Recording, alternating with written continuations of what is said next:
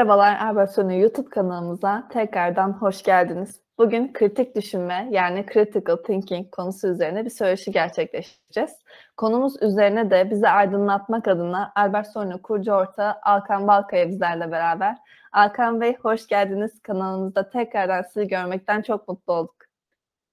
Çok teşekkür ederim Şevval Hanım. Ben de aynı şekilde çok mutlu oldum. Uzun zamandır video çekmiyorduk. Bu da bir fırsat oldu. Ben de çok mutluyum. Buyurun. Evet, tekrardan çok teşekkür ederim. Alkan Bey ve de çok güzel bir konumuz var bugün. Kritik düşünme. Alkan Bey bildiğiniz gibi birçok düşünme yöntemi var. Biz de bugün kritik düşünme üzerine bir konuşma yapacağız. Dilerseniz tanımla başlayalım direkt. Alkan Bey, kritik düşünme nedir? Bize açıklayabilir misiniz? Tabii ki de Şevval Hanım. Teşekkürler. Ee, şimdi tabii isim kritik düşünme ama esasen e, şöyle de söyleyebiliriz olabildiğince kritik düşünmenin konusu olabildiğince aslında gerçekçi düşünme demek oluyor. Yani şöyle bir şey var. Ee, insanlar olarak aslında e, hepimizin çeşitli tabii ki duygularımız var.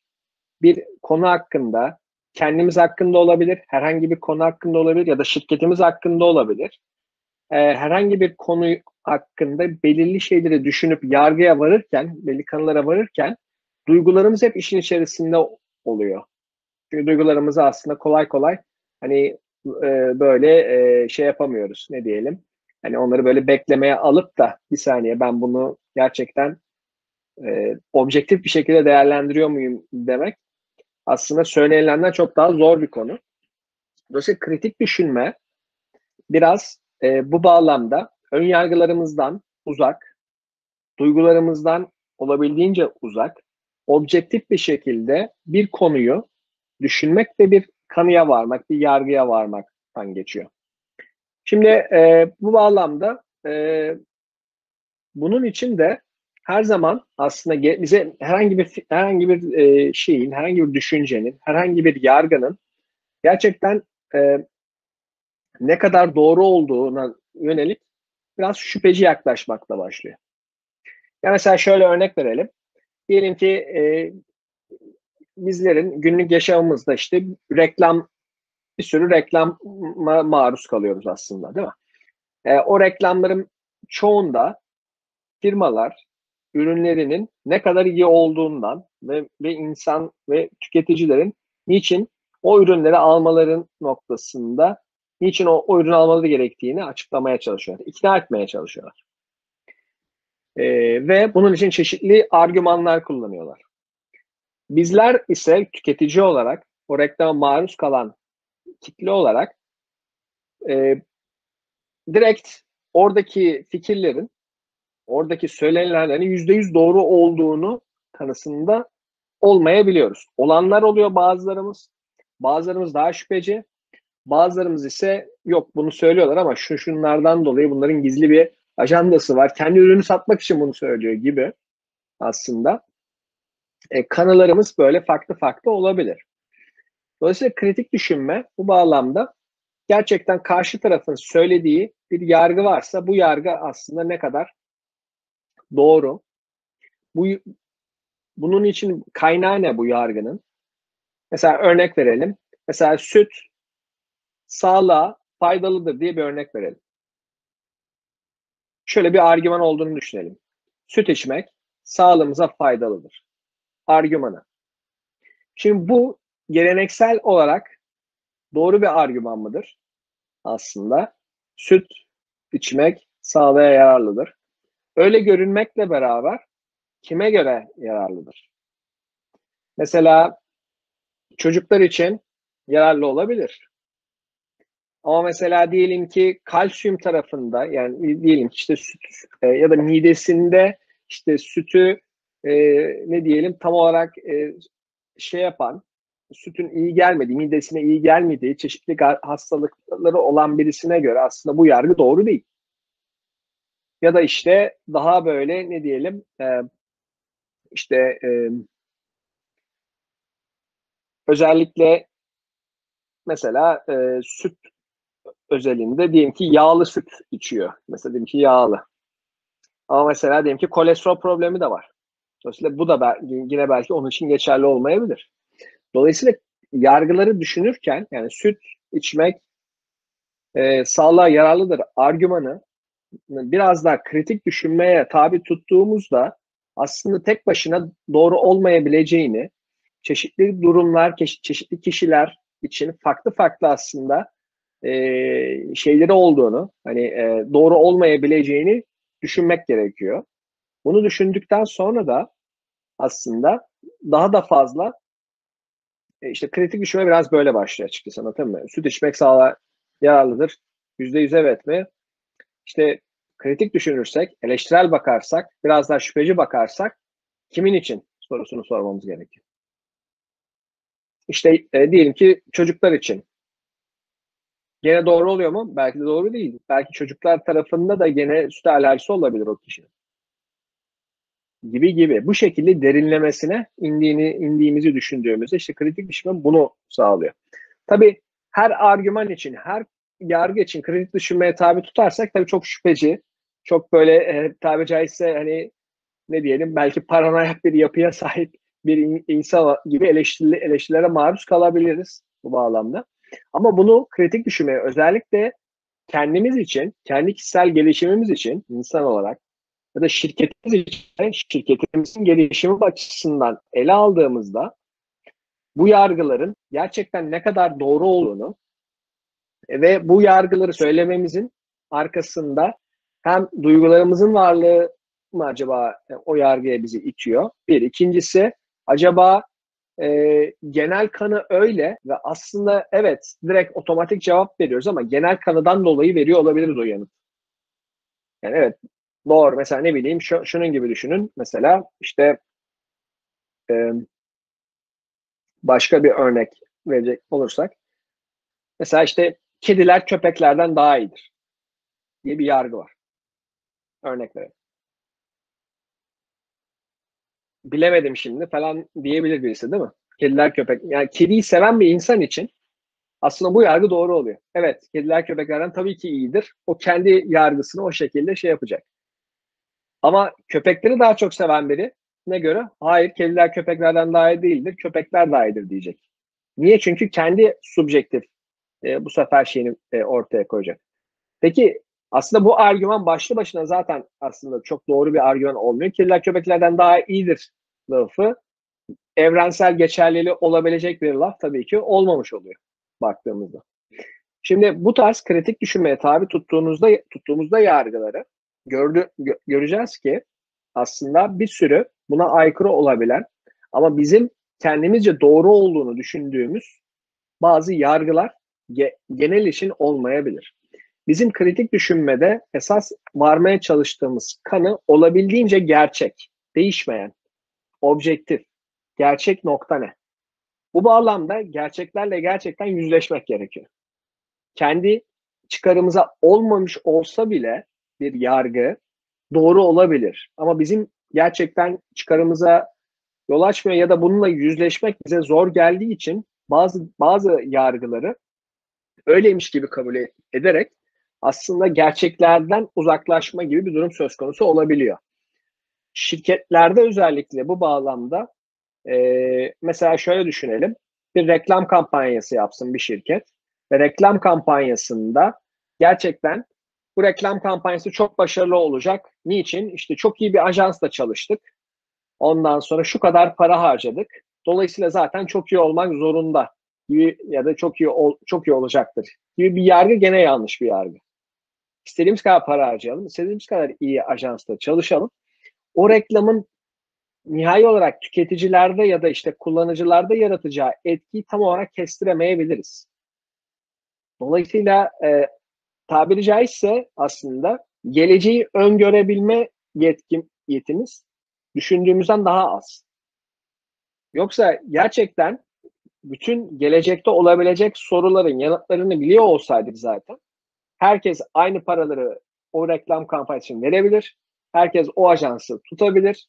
Ama günün sonunda aynı etkiyi sonuçta elde edememelerinin nedeni işte bu yargılardan dolayı. Yani bu gerçeklerden dolayı. Ama mesela işte şu kadar diyelim ki bu kadar para harcadık, şu ajansı tuttuk. reklam kampanyası diyelim ki başarısız oldu. Ondan sonraki konuda yani istediğimiz diyelim ki talepler gelmedi diyelim ki e, ürünümüze, hizmetimize neyse. Ondan sonraki peki yargıda gene tekrardan şu olabiliyor. Yani e, çeşitli tabiri caizse hani bahaneler üretip ya öyle ama aslında şundan dolayı oldu. İşte bayrama denk geldi. İşte vesaireye denk geldi. Ondan olmadı vesaire. Yani tam olarak gerçekten ondan dolayı mı olup olmadığını analiz etmeden yani veriye dayanmadan gerçekleri gerçekten böyle analiz etmeden, detayına inmeden böyle kararlar verme, vermemiz ya da düşünmemiz işte bu kritik düşünmeyi düşünmeyi yapmamamızdan kaynaklanıyor. Gerçekten e, bu bağlamda gerçeklerle yüzleşip ya bir saniye bu reklam kampanyasını verdik tamam. Peki bu bağlamda gerçekten harcadığımız bütçe bir bütçe harcadık tamam. Peki hangi kanallarda yayınlandı?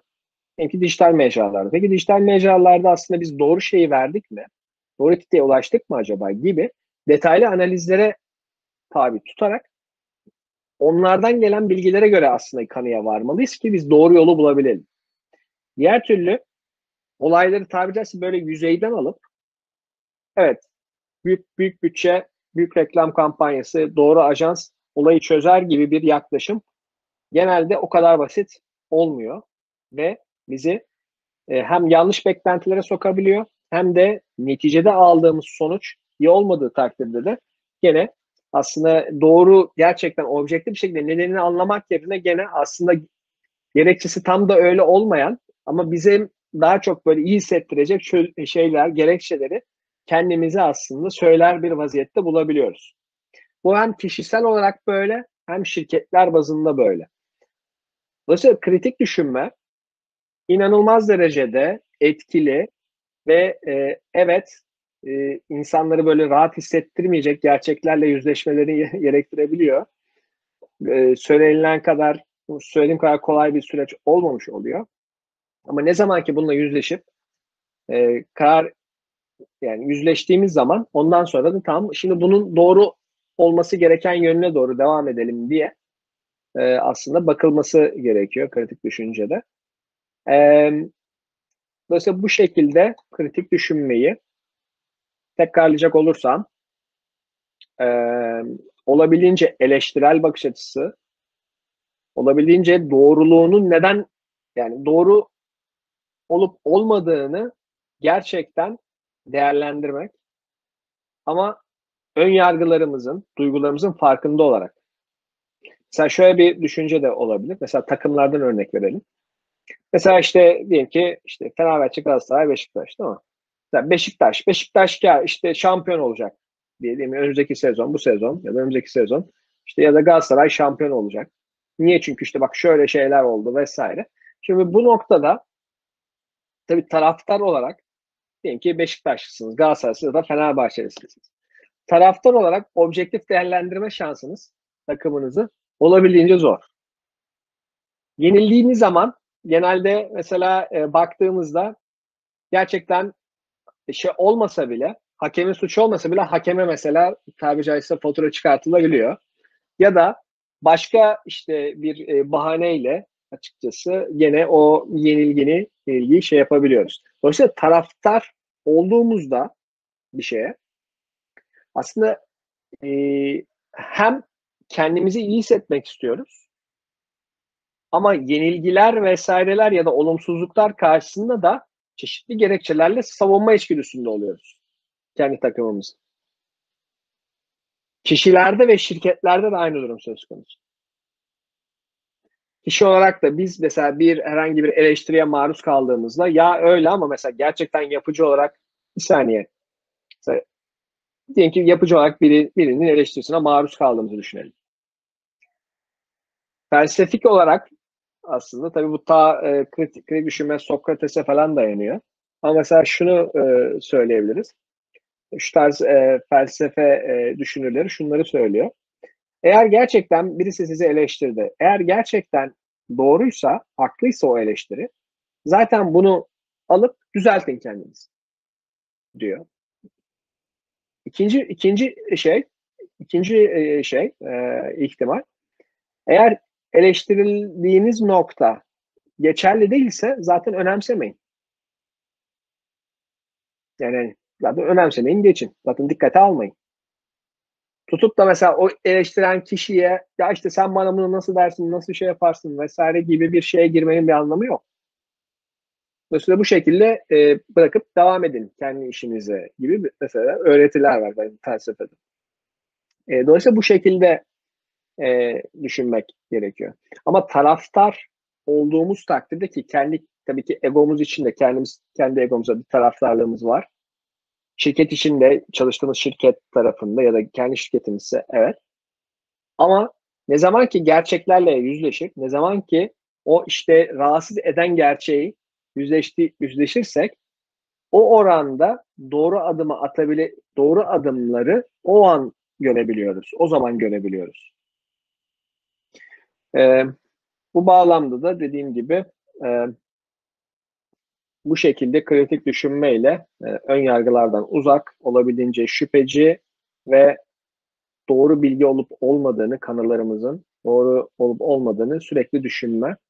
E, ciddi bir aslında e, mantık e, bir anlamda ve şey işte anlamlandırma ve e, biraz da tabii ki yaratıcılığın da işin içerisinde olduğu bir şekilde düşünüyoruz. Evet, mevcut durumda nasıl çıkabiliriz? E, mevcut durumda peki ne yapabiliriz? Gerçekler bunlarsa tamam şimdi peki lazım gibi. Hem kişi olarak olabilir hem de şirket olarak olabilir. Tamam o zaman bu kaynakları bu şekilde kullanarak işte burada daha iyiye doğru devam ediyor olacağız gibi söylemleri söyleme fırsatı bize veriyor kritik düşünme.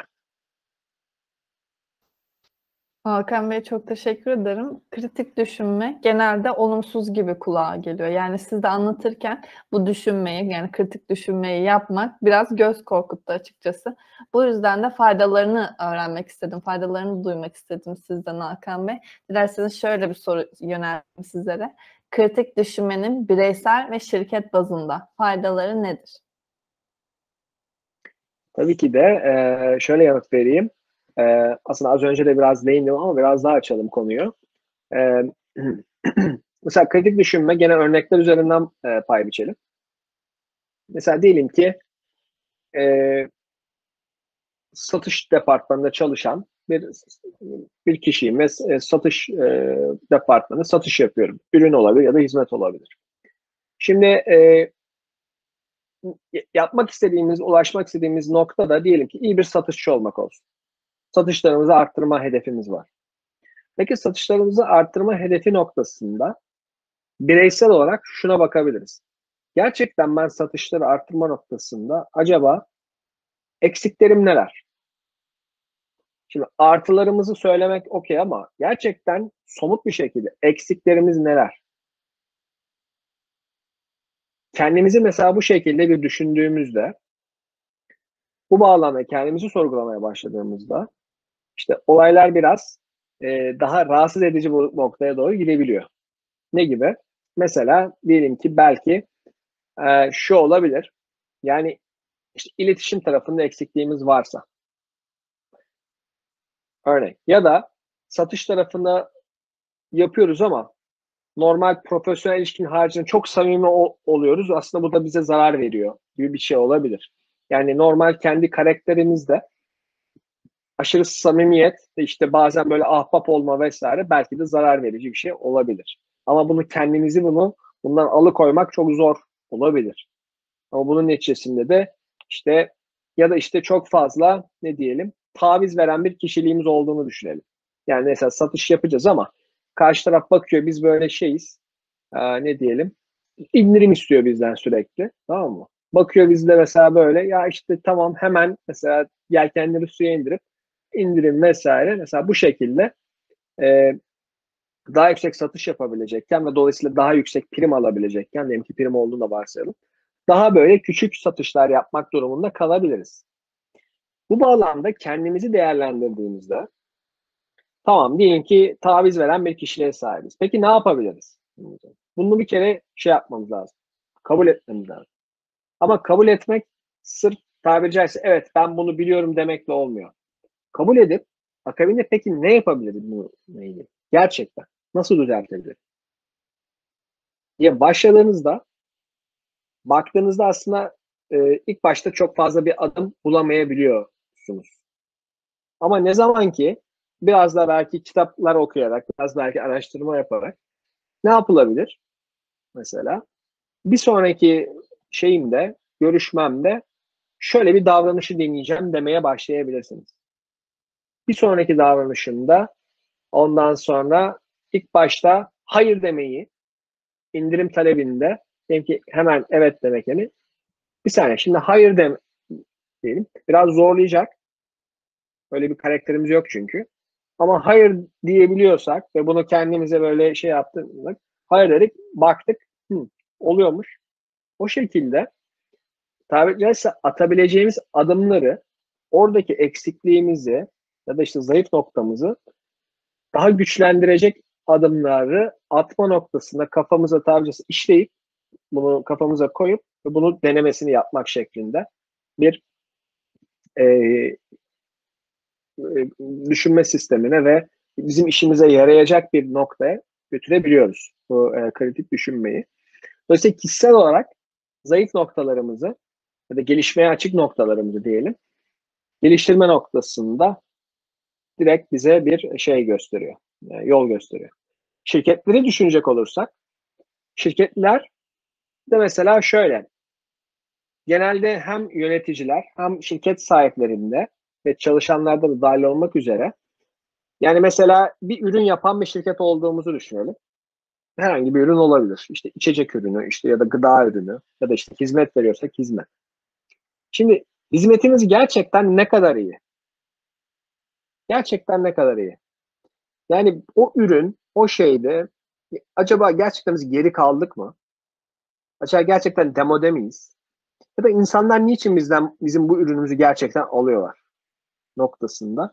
Biz kendimize ne kadar dürüst olursak ama ön yargılardan uzak 20 yıl 30 yıldır o ürünü o hizmeti veriyorsak ya da o ürünü üretiyorsak bunu söylemek çok büyük bir problem tabii ki. Çünkü o kadar özleşmiş ki şey gibi demek yani hani aynaya bakıp ya işte ben ne kadar çirkin bir insanmışım demek gibi bir şey. Ya da işte ya işte ben ama ya da öyle demeyeyim de hani fiziksel bir şey değil de bu yani işte ben gerçekten e, eksiğim, yetersizim. Düşünün. Orta yaşlı, iyi okullarda mezunsunuz. Diyelim ki işte çok iyi kariyerler yaptınız. Ama orta yaş, orta yaş üstünüz. Hala gelip evet ben burada eksiğim var diyebilmek demek o bir aslında kritik düşünce. İlla dışarıya karşı söylemek durumunda değilsiniz. En önemli şey zaten kendimize karşı bunu söylemek. Kendi içinizde. Ve bundan dolayı üzülmek, depresyona girmekten ziyade aslında bu bir gerçek. Bunu kabul edelim. Ve bunun üzerine şimdi yani e, bunu kabul etmediği zaman o gerçek ortadan kaybolmuyor bir kere. Yani eksiğimiz varsa gerçekten o zaten orada var yani. yani. O orada duruyor. Bunu kabul etmeyip inkar et, etmemiz sadece aslında onu görmememizi sağlıyor. Ama o hala orada. Ne zaman ki biz bunu kabul ettiğimiz zaman Aa, evet bu burada bir şey var. Burada bir eksiklik var. Gelişmeye açık alan var. Ben bunu nasıl geliştiririm dediğiniz anda artık o gelişime açık alanınız artık gelişmeye doğru devam ediyor. Ama bunu görmezden gelir. Çünkü dediğim gibi e, görmezden gelmemizin temel nedeni de çok böyle e, mutlu edici bir şey olmuyor tabii ki kendimizi geliştirme noktamız. Yani orada bunu kabul edince yapmamız gereken görevler, ödevler ortaya çıkıyor ve evet moral bozabiliyor. Ama bunu yapabilen firmalar, yapabilen insanlar ve yapabilen firmalar gelişmeye devam ediyorlar. Diğerleri niye gelişemediğiyle alakalı sadece kendince bazı işte gerekçeler bulup ya da işte başkalarına o gerekçeleri başkalarından arayıp günün sonunda gene gelişmeme, gelişmeden kalmaya devam ediyor. Yani o e, onların önünde o duruyor. Dolayısıyla faydası olarak kişisel gelişimde böyle şirket olarak da aynı şekilde eğer bir ürünümüz, bir hizmetimiz ya da müşteri memnuniyeti olabilir ya da gerçekten müşterilerin esas şirketin esas misyonunda belki değişiklik yapmak gerekebilir. Niçin insanlar bizden hizmet satın alsın? Niçin müşteriler hizmet satın almalı? Sorusuna yanıtı direkt vermemiz lazım. Ya da bugüne kadar yapmış olduğumuz şirketin Mesela örnek değeri nerede? Kurumsal hafızası nerede? Nerede? Dokümanlar olabilir. işte ne bileyim şeyler olabilir. Ürünün kendisi o. Peki nerede o? Sistemde mi? İnsanların aklında mı? Peki o noktada daha iyi bir noktada olabilir mi o kurumsal hafıza? Gerçekten o herkese yayılıyor mu şirkette? Gibi düşüncelerle hareket etmek lazım ve gerçekten şunu da görmek lazım. Mesela pazardaki tehditler neler? Fırsatlar neler olduğu gibi gerçekten tehditler neler? Bundan 5 yıl sonra acaba hala aynı hizmet ya da ürün tarafında faaliyet gösteriyor olabilecek miyiz? Gerçekçi olmak gerekirse. Yoksa bugünkü pazar koşullarında e, ya işte örnek veriyorum ya kötüye giden bir e, pazar e, daralan bir alanda çalışıyorsunuz. Ürün anlamında ya da işte hizmet anlamında. E, bunu görmezden gelirsek, gelirseniz değil mi? Yavaş yavaş o pazar bittiği zaman şirketiniz de biter. Ama şimdiden bununla yüzleşirseniz o zaman ne yapmamız lazım? Yeni ürün, yeni hizmet geliştirmemiz lazım. Zor bir şey. Okey. Şimdiden adımlarını atalım. Dediğinizde o zor olan şeyi şimdiden başlattığınız takdirde belki de oralardan bulacağınız yeni pazarlar, yeni e, ürün ya da hizmet pazarlarında gerçekten şirketinizi daha iyi bir nokta taşıyorsunuz. Dolayısıyla faydalarını bu şekilde Şevval Hanım özetleyebilir. Hakan Bey çok teşekkür ederim.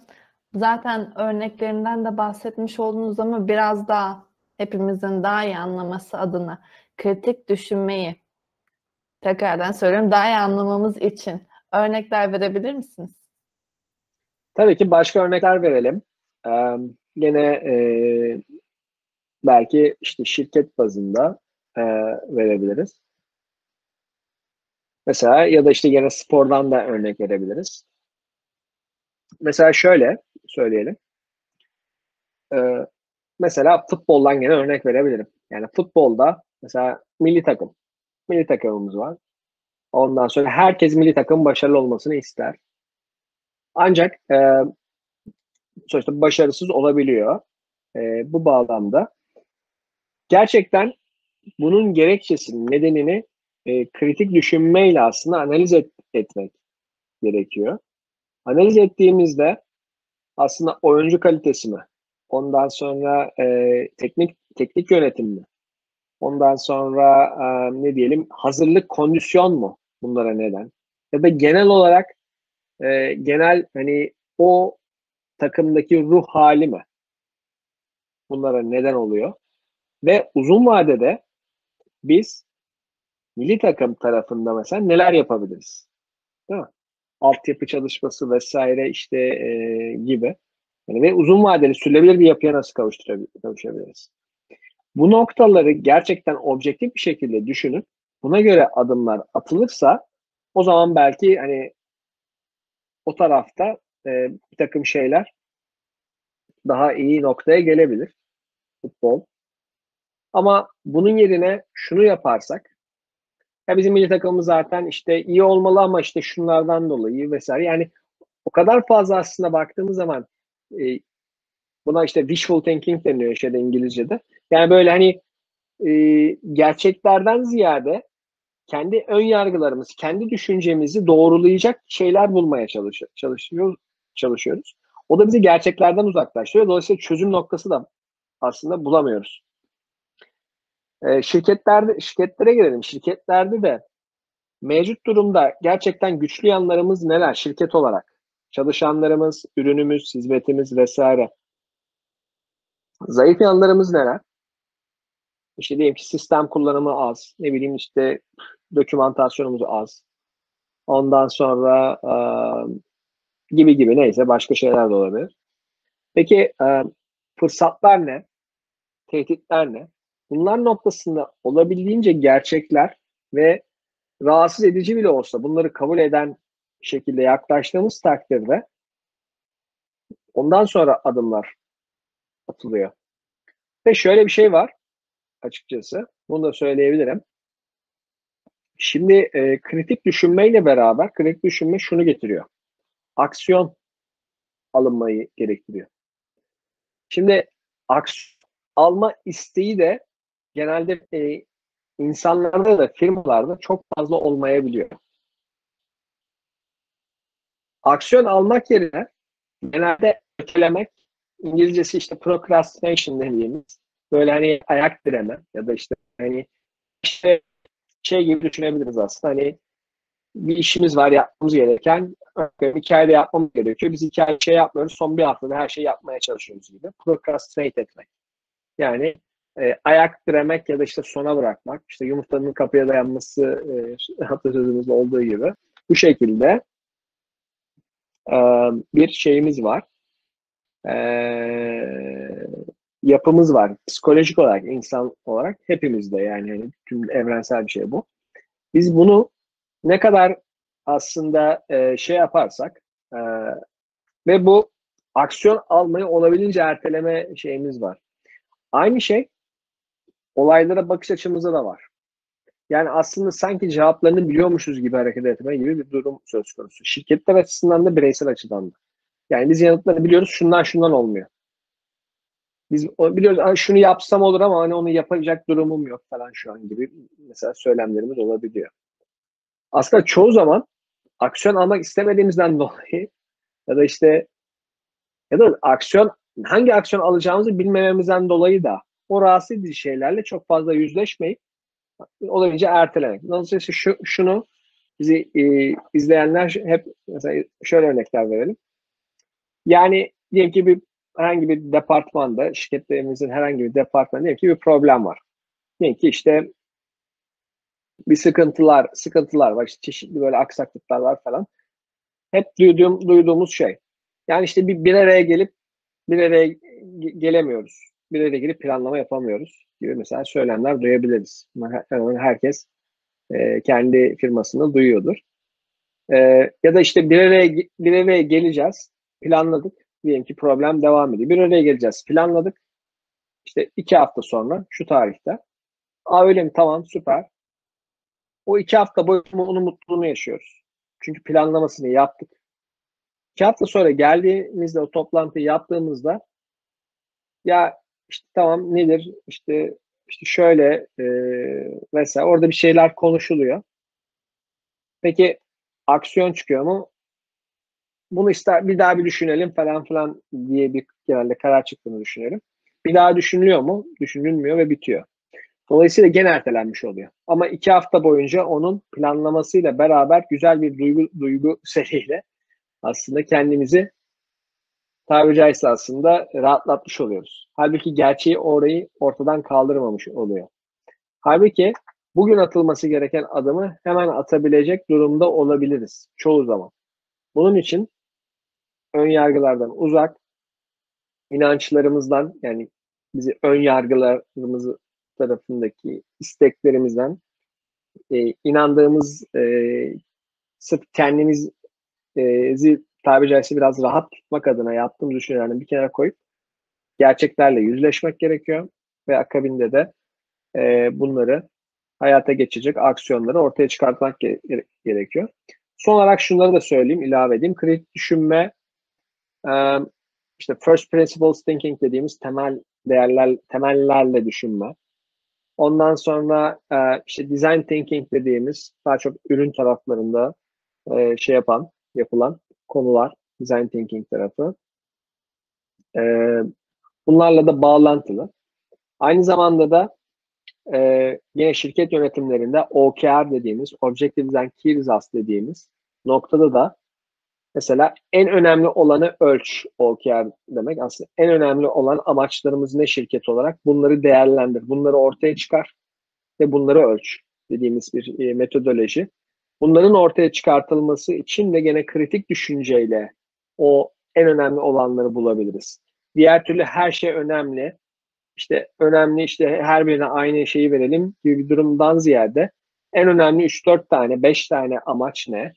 Bunları ortaya koymak lazım. Bu da kritik düşünceyle gene ancak mümkün. Dolayısıyla OKR tarafında da gene kritik düşünme e, eğitimlerimiz zaten Alberson olarak da var. O kar danışmanlığı içerisinde kritik düşünme e, eğitimlerimiz de var. E, bunları da bu şekilde hani yararlarını da gene tekrardan e, buna değinmiş oluyorum. Şirketlerin stratejilerini neye önem vermeleri gerektiğini yine kritik düşünme teknikleriyle bulmaları gerekiyor. O sayede de enerjilerini, kaynaklarını çok daha etkili verim şekilde kullanabiliyorlar. Cemal Hanım. Hakan Bey ağzınıza sağlık tekrardan çok güzel de bir kapanış oldu. Çünkü benim daha fazla bir, bir soru daha yok şu anda. Ee, dilerseniz söyleşimizin sonuna gelmiş olalım. Bugün kritik düşünme yani critical thinking konusu üzerine bir söyleşi gerçekleştirdik. Konumuz üzerine bizi bilgilendirmek adına da Albert Sorun'un kurucu ortağı Hakan Valkaya bizlerle beraberdi.